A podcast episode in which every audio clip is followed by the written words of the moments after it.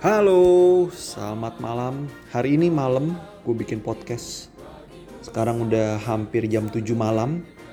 Dan gue pengen ngebahas satu buah berita yang lagi hot banget dalam kurun satu minggu terakhir yaitu stasiun televisi kita RCTI dan iNews yang masa yang mana ini berdua dalam grup yang sama yaitu MNC Group mengajukan apa ya nah kalau gue bilang ya mengajukan bukan bukan gugatan ya mengajukan satu buah peraturan lah gitu ya kepada Komisi Penyiaran Indonesia KPI yang boleh dibilang kalau setiap siaran live yang menggunakan internet seperti medsos kayak YouTube dan Instagram hingga Netflix untuk tunduk pada undang-undang penyiaran yang artinya begini gue akhirnya kan gini selama seminggu kemarin sebelum gue benar-benar bikin podcast ini gue nyari tahu dulu maksudnya tuh apa yang yang jelas karena media sekarang mereka itu kan bikin konten secepat-cepatnya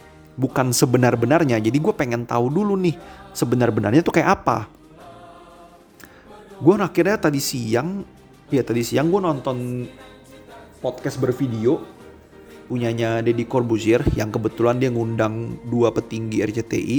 Di situ dua petinggi ini bilang kalau yang kena undang-undang penyiaran itu adalah platformnya artinya si Instagram, si YouTube, si Facebook dan juga si Netflix ini yang harus punya undang-undang penyiaran di Indonesia. Yang artinya konten-konten mereka pun inginnya dibuat sama seperti yang seharusnya ada di stasiun televisi nasional pada umumnya. Ini menarik. ini menarik. Kalau gue ngambil kesimpulan secara singkat, ini berarti stasiun televisi nggak bisa bersaing secara konten secara kreativitas yang mereka lakukan adalah punya akses kepada orang dalam untuk bikin peraturan seperti itu. Sebetulnya ini hal yang lumrah di Indonesia. Banyak orang Indonesia yang asal punya kenalan orang dalam semua lancar. Mampu bersaing sih enggak, tapi kan punya kenalan orang dalam. Nah itu tuh, Indonesia sekali. Saya sangat kagum, tapi itu bukan hal yang aneh, itu hal yang normal. Karena kita tinggal di Indonesia. Nah, balik lagi kepada ke topik. Alasan RCTI adalah di Deddy Corbuzier punya podcast. Dia bilang gini, ini untuk melindungi para konten kreator karena kalau sekarang gini kejadiannya kan, konten kreator bikin konten yang bermasalah. Ujung-ujungnya mereka bisa kena masalah dengan polisi, betul kan? Nah, kalau televisi kontennya ada yang bermasalah, televisinya ditegur, konten kreatornya nggak kena masalah apa-apa nggak kena nggak kena panggilan polisi lah gitu istilahnya nggak sampai ditangkap polisi atau dipenjara kayak kasusnya Ferdian Paleka kemarin tapi tapi nih kita lagi-lagi tinggal di Indonesia kawanku mau menurut gue maupun ada maupun KPI misalnya nih ya menegur YouTube menegur Netflix menegur Instagram tentang konten yang lu buat yang bermasalah itu gue yakin tetap akan ada orang yang mengadukan lu ke kepolisian Kenapa? Karena ada undang-undang ITE yang sama aja karet juga gitu. Jadi menurut gue apa yang menjadi alasan RCTI ingin melindungi konten kreator nggak ngaruh, nggak ngaruh karena masyarakat kita itu emosian bro, emosian. Lu pasti tetap diaduin ke polisi juga. Kecuali, kecuali nih, lu bisa bikin konten yang kreatif, yang lucu, yang ngerjain orang tapi orang nggak kesel. nggak bakal bisa lu bikin konten yang ngerjain orang, orang bakal kesel. Kita tinggal di Indonesia era 2000-an. Kalau lu tinggal di Indonesia era 90-an, lu mungkin tahu acara yang namanya spontan. Tuh reality show kampret, prank mulu isinya. Segmen dia kagak prank tuh cuma dubbing hewan. Tapi lu lihat, ada nggak yang masalah sama mereka? Enggak. Kalau lu belum sejago itu, lu pasti kena masalah. Kita tinggal di negara yang emosian. Lebih banyak emosi, lebih banyak emosi daripada logika. Jadi, udahlah apa pun yang dilakukan oleh RCTI ataupun stasiun televisi dengan mengatasnamakan melindungi konten kreator nggak akan ngaruh sama aja gue yakin dan nah ini dan lagi nih RCTI juga punya alasan yang cukup valid dan menurut gue sangat-sangat bagus uh, tayangan di internet para konten kreator ini bebas untuk menyebarkan informasi apa pun tanpa pengendali apa pun. Jadi nggak ada yang ngendali ini, kan nggak ada KPI. Akibatnya akan ada banyak konten yang tidak sesuai dengan norma-norma yang ada di Indonesia. Ini kan masuk akal, ini masuk akal banget.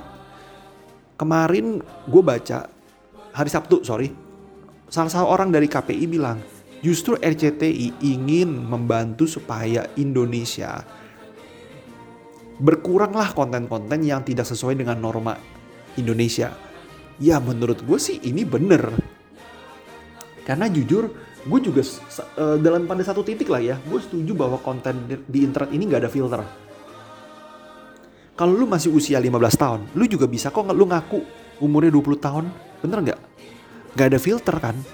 Gitu. Yang gue pikirkan justru adalah gimana cara mengontrol orang-orang yang memalsukan umur di internet. Gimana cara KPI mengontrol itu? Itu kan nggak bisa dikontrol, men. Ya kan, kecuali pihak YouTube minta kita upload KTP. Tapi ini juga menurut gue nggak bisa dikendaliin juga karena KTP itu bertebaran di Google. Kalau gue bilang misalnya nih ya, oh gue masih umur 15 tahun, tapi kan gue nggak punya KTP dong. Ya gue taruh, gue download KTP di Google, gue upload ke YouTube. Fotonya gimana? Ya fotonya gue ambil foto orang itu yang di KTP aja. Untuk foto profil gue di YouTube, gue langsung bisa buka apa pun di YouTube kan yang usianya 18 plus gitu. Jadi nggak ngaruh juga gitu. Ah, udahlah, somehow tapi somehow nih gue setuju konten kreator itu mesti punya payung hukum mesti ada kontrol mesti ada lembaga yang mengendalikan mereka yang yang yang menjaga mereka supaya tidak sembarangan. Itu gue jujur perlu banget.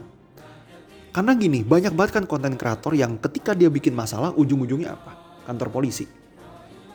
Ya kan? Dia bikin masalah nih ujung-ujungnya apa? Kantor polisi. Padahal sebetulnya masalahnya bisa diomongin, tapi ujung-ujungnya jadi kantor polisi bro, gitu.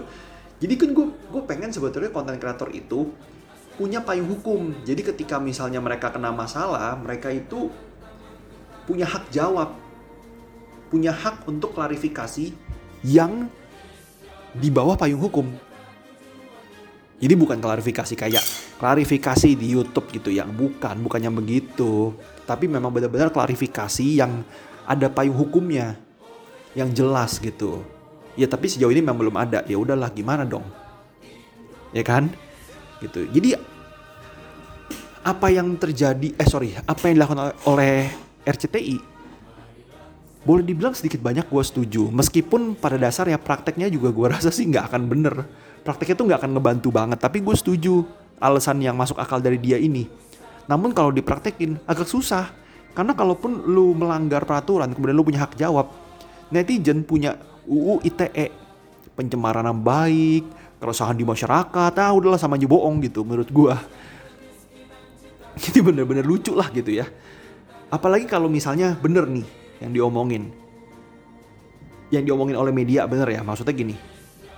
Masyarakat dalam hal ini pribadi itu nggak bisa lagi mem- memanfaatkan fitur live pada platform media sosial. Dan hanya boleh dilakukan oleh badan usaha yang punya izin penyiaran. Ya susah dong ya. Kalau ini sampai dipidana, gile aja lu bakalan ketemu bakalan ketemu orang-orang yang masuk penjara cuman karena dia bikin Instagram live dan penontonnya cuma 10 orang. Gitu. Saya sih bingung gitu. Gue jujur bingung lah, ini gimana? Susah gitu, lucu aja. Nah, kalau gua mau ngebahas juga nih dari segi marketing. Nah, ini nih yang menarik nih. Jadi gini, mungkin gak sih stasiun TV ini merasa terancam akan hadirnya media digital? Menurut gue mungkin loh. Mereka merasa terancam. Dan kalau mereka bikin peraturan atau mengajukan peraturan yang gak ada dasarnya, masa mereka bikin peraturan gini, kami merasa terancam, gak mungkin dong, malu dong, gengsi bro. Ya mereka harus mengajukan peraturan yang dasarnya tuh kuat. Dan gue bilang dasarnya mereka ajukan kuat, valid loh. Demi anak bangsa, valid kan? Oke. Statistiknya gini, IDN Research tahun 2019 kemarin mengatakan bahwa jumlah penonton TV di Indonesia itu tuh masih yang paling favorit, paling banyak. Jadi TV itu masih menjadi media yang paling favorit dikonsumsi oleh generasi milenial di Indonesia menurut IDN Research. Dan selama PSBB dan juga WFH menurut Nielsen tahun 2020 penonton TV di Indonesia naik 12% tapi kampretnya adalah kampretnya adalah ini yang gue bilang nih. Jumlah pengguna di internet jumlah pengguna di internet jumlah pengguna internet selama masa PSBB tersebut naiknya 45% bro. Jadi kan jauh banget ya. Dan yang paling dan paling sebenarnya yang paling bikin persaingan ketat adalah gini. Konten di media digital itu variatif dan juga lebih kreatif. Serta bisa memunculkan talent yang baru tanpa demografi ataupun geografi. Jadi gini kalau lu dulu gue punya temen nih artis waktu zaman kuliah artisnya masih level pemeran pembantu. Ketika dia kuliah dulu dia tuh levelnya pemeran pembantu. Gue pernah ngobrol sama dia gue tanya lu kenapa berpikiran untuk menjadi pemeran film di sinetron? Jalan itu gimana sih? Dia cerita tuh. Dia harus casting lah apa segala macem. Pokoknya berat lah gitu. Gue bilang wow hebat juga. Lu hebat juga. Nah di zaman sekarang orang nggak perlu casting cobalah gue emang gue bikin podcast gini casting? Casting di mana? Gak ada. Bikin aja sendiri. Modal PD doang kok gitu. Dan modal pengalaman ngomong depan publik. Udah gitu doang. Pertanyaan gue apakah jangan-jangan media televisi ini takut dibalap atau disalip lah gitu sama media digital ya? Siapa pun bisa menjawab ini. Tapi gue ada satu lagi pendapat yang menurut gue menarik. Jadi waktu gue lagi baca di Instagram tentang berita ini, gue lupa ya gue baca di Lambe Turah apa di mana ya gue lupa tuh. Ada satu komen yang bilang gini, itu di TV tersebut sinetronnya masih banyak. Kenapa bisa takut bersaing kan sinetronnya banyak, berarti kan penonton juga banyak. Ini menurut gue satu buah komentar yang bagus banget. Mungkin comment of the day gue bilang Terus gue pikir-pikir ya, iya juga ya. Kalau sinetronnya banyak, filmnya banyak, acaranya banyak, masalahnya di mana? Sampai gue pikir iklan. Anjay, aduh, aduh, aduh, anjay gue ngomong anjay. Gawat men. Ini udah jadi kata dilarang. Gue kepleset. Anjay, gue bilang ini gila.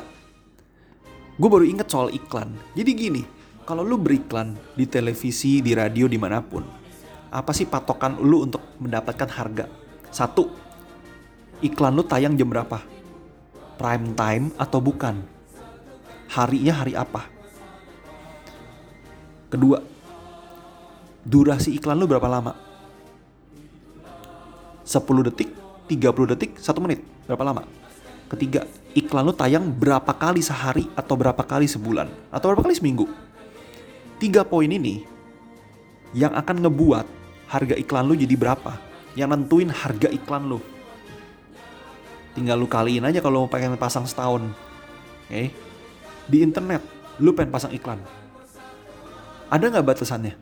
Durasi.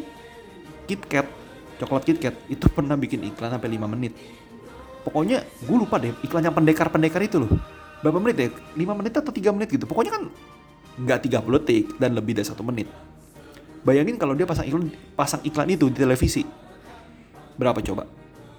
Ini nggak termasuk dia bayar talent dan juga bayar produksi. Kita ngomongin tayangnya doang aja ya. Talentnya pokoknya siapa itu urusan dia. Urusan internal yang gue juga nggak tahu. Yang nggak bisa dihitung juga. Ya. Di situ lu mesti bayar berapa ke televisi? Nah ini di internet lu cuma bayar biaya produksi, lu upload ke YouTube, lu upload ke Instagram. Orang nonton, selesai apa di situ? Banyak juga yang nonton kan? Ada 170 juta pengguna internet di Indonesia, berarti lu bisa mendapatkan pangsa pasar ham ya segitu. Potensi maksimalnya ada 170 juta. Potensi maksimalnya ya. Ya oke okay lah, mungkin penonton lu 5 juta, tapi kan 5 juta 5 juta juga banyak, Bro. Iklan. Kemudian kita ngomongin lagi nih soal masih iklan juga sama kalau kita libatkan ya kalau kita libatkan talent di sini di internet misalnya lu hire Aukarin deh. Lu kasih dia kontrak satu miliar. Katakanlah lu perusahaan yang relevan dengan Aukarin. Katakanlah lu perusahaan makeup dan juga daily rutin untuk perawatan tubuh lu. Ada skincare ada obat jerawat ada lipstick macam-macam lah. Pokoknya semua ada. Lu minta Aukarin bikin video tutorial make up. Mulai dari tutorial make up untuk kondangan, kerja, dan lain-lain. Pokoknya lu bikin deh. Lu suruh dia bikin dalam setahun. Lu kasih dia duit satu miliar. Berapa banyak video yang bisa dibikin oleh Aukarin? Itu satu. Kedua, berapa banyak, eh berapa banyak, berapa lama durasi video yang bisa dibuat oleh Aukarin? Itu dua. Ketiga, berapa penontonnya dalam setahun? Keempat, Bagaimana dengan demografi penontonnya? Dan kelima, berapa jam nih iklan bisa tayang bro? Setahun. Misalnya nih ya, misalnya. Gue mau nonton, gue pengen nonton make up tutorialnya Aukarin di bulan Februari. Sementara sekarang bulan Juli. Bisa nggak gue? Bisa. That's the beauty of internet.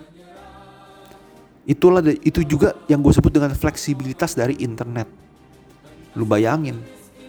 Gue mau nonton videonya Chandra Leo tahun tahun 2016. Selama video itu belum dihapus oleh si konten kreator, gue masih bisa nonton. Mantep nggak? Mantep banget bro. Keren ya? Keren. Jadi gimana dengan dengan hal ini? apa mungkin kita balik ke zaman batu atau gimana karena menurut gue menarik bro menarik gitu sekarang gini kita ngomongin internet kita ngomongin internet menurut kalian aja ini ini logika aja ya kenapa gue sih menurut gue gue nggak heran kalau ada stasiun televisi atau radio atau apa pun itu yang merasa takut tersaingi atau takut dibalap oleh media digital normal kita bicara soal bisnis kok. Ya, normal kok, normal. Jadi gue merasa lumrah gitu. Gue merasa lumrah kok. Lumrah RCT melakukan hal itu. Lumrah siapa pun melakukan hal itu. Gak ada yang aneh, gak ada yang masalah.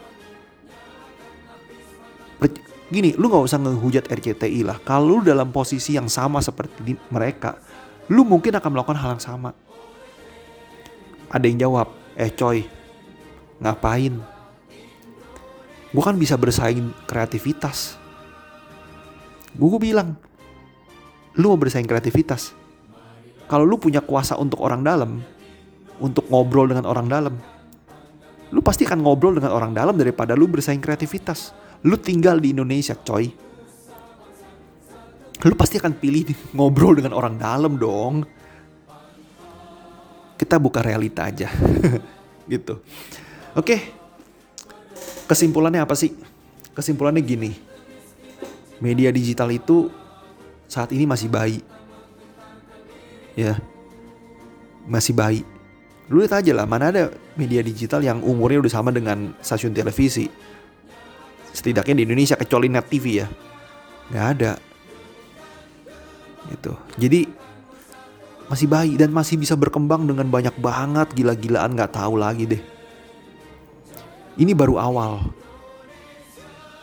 Jadi apa pun yang dilakukan oleh stasiun televisi untuk mencegah masuknya media digital, menurut gua saat ini percuma. Karena susah dikendaliin juga sih. Gitu. Masa orang larang gue untuk buka YouTube atau untuk live streaming di YouTube misalnya? Come on lah. Lagi pula gini lucunya. Televisi ini juga merangkul digital loh. Coba lu lihat. Banyak kan sinetron-sinetron, acara talk show, reality show yang ada di televisi juga ada di YouTube. Kan sebenarnya mereka merangkul media digital karena mereka tahu ada pasar mereka di situ. Kenapa harus di apa ya dipersem, di, di, dikekang gitu, dipersempit, diberi kekang gitu kan? Toh mereka juga bisa ngerangkul kok. Jadi di sini ada dua ada dua alasan ya menurut gue. Satu alasan bisnis, satu lagi alasan moral anak bangsa gitu. Nilai-nilai moral NKRI. Jadi ya itu aja sih